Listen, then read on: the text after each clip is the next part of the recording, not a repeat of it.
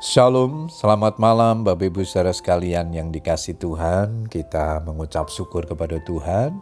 Malam hari ini kita boleh datang kepada Tuhan untuk menaikkan ucapan syukur dan doa-doa kita setelah kita sepanjang hari ini menikmati segala kebaikan Tuhan dalam hidup kita. Malam hari ini sebelum berdoa saya akan membagikan firman Tuhan yang diberikan tema jika Tuhan menyertai.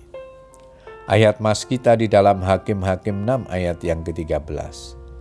Jawab Gideon kepadanya, Ah Tuanku, jika Tuhan menyertai kami, mengapa semuanya ini menimpa kami? Bapak ibu saudara sekalian ada banyak orang kecewa kepada Tuhan, sebab setelah mengikut Tuhan masih saja mereka merasakan kesusahan, masih ada persoalan yang harus dihadapi. Mereka heran, bukankah mengikut Tuhan berarti kehidupan akan disertai oleh Tuhan? Dalam hati mereka bertanya, jika Tuhan menyertaiku, mengapa semuanya ini menimpaku?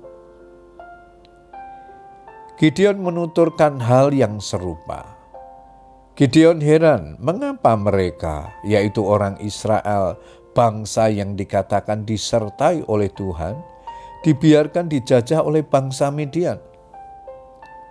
Menarik apa yang Tuhan jawab kepada Gideon.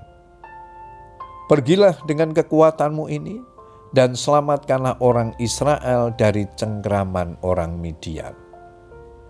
Tuhan mengutus Gideon pergi memerangi orang Midian, sebab padanya ada kekuatan untuk mengalahkan mereka Kata-kata "pergilah dengan kekuatanmu" mengungkapkan kebenaran yang kerap kali kita lupakan.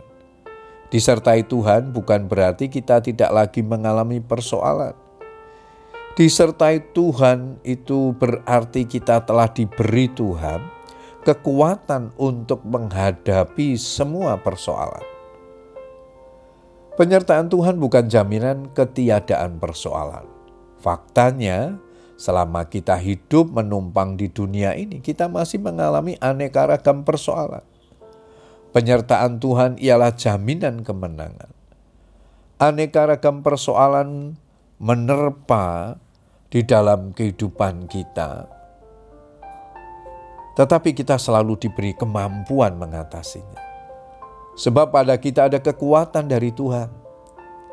Bila hari ini kita mengalami persoalan, jangan tawar hati dan berkata, "Jika Tuhan menyertai, mengapa hal ini menimpaku?"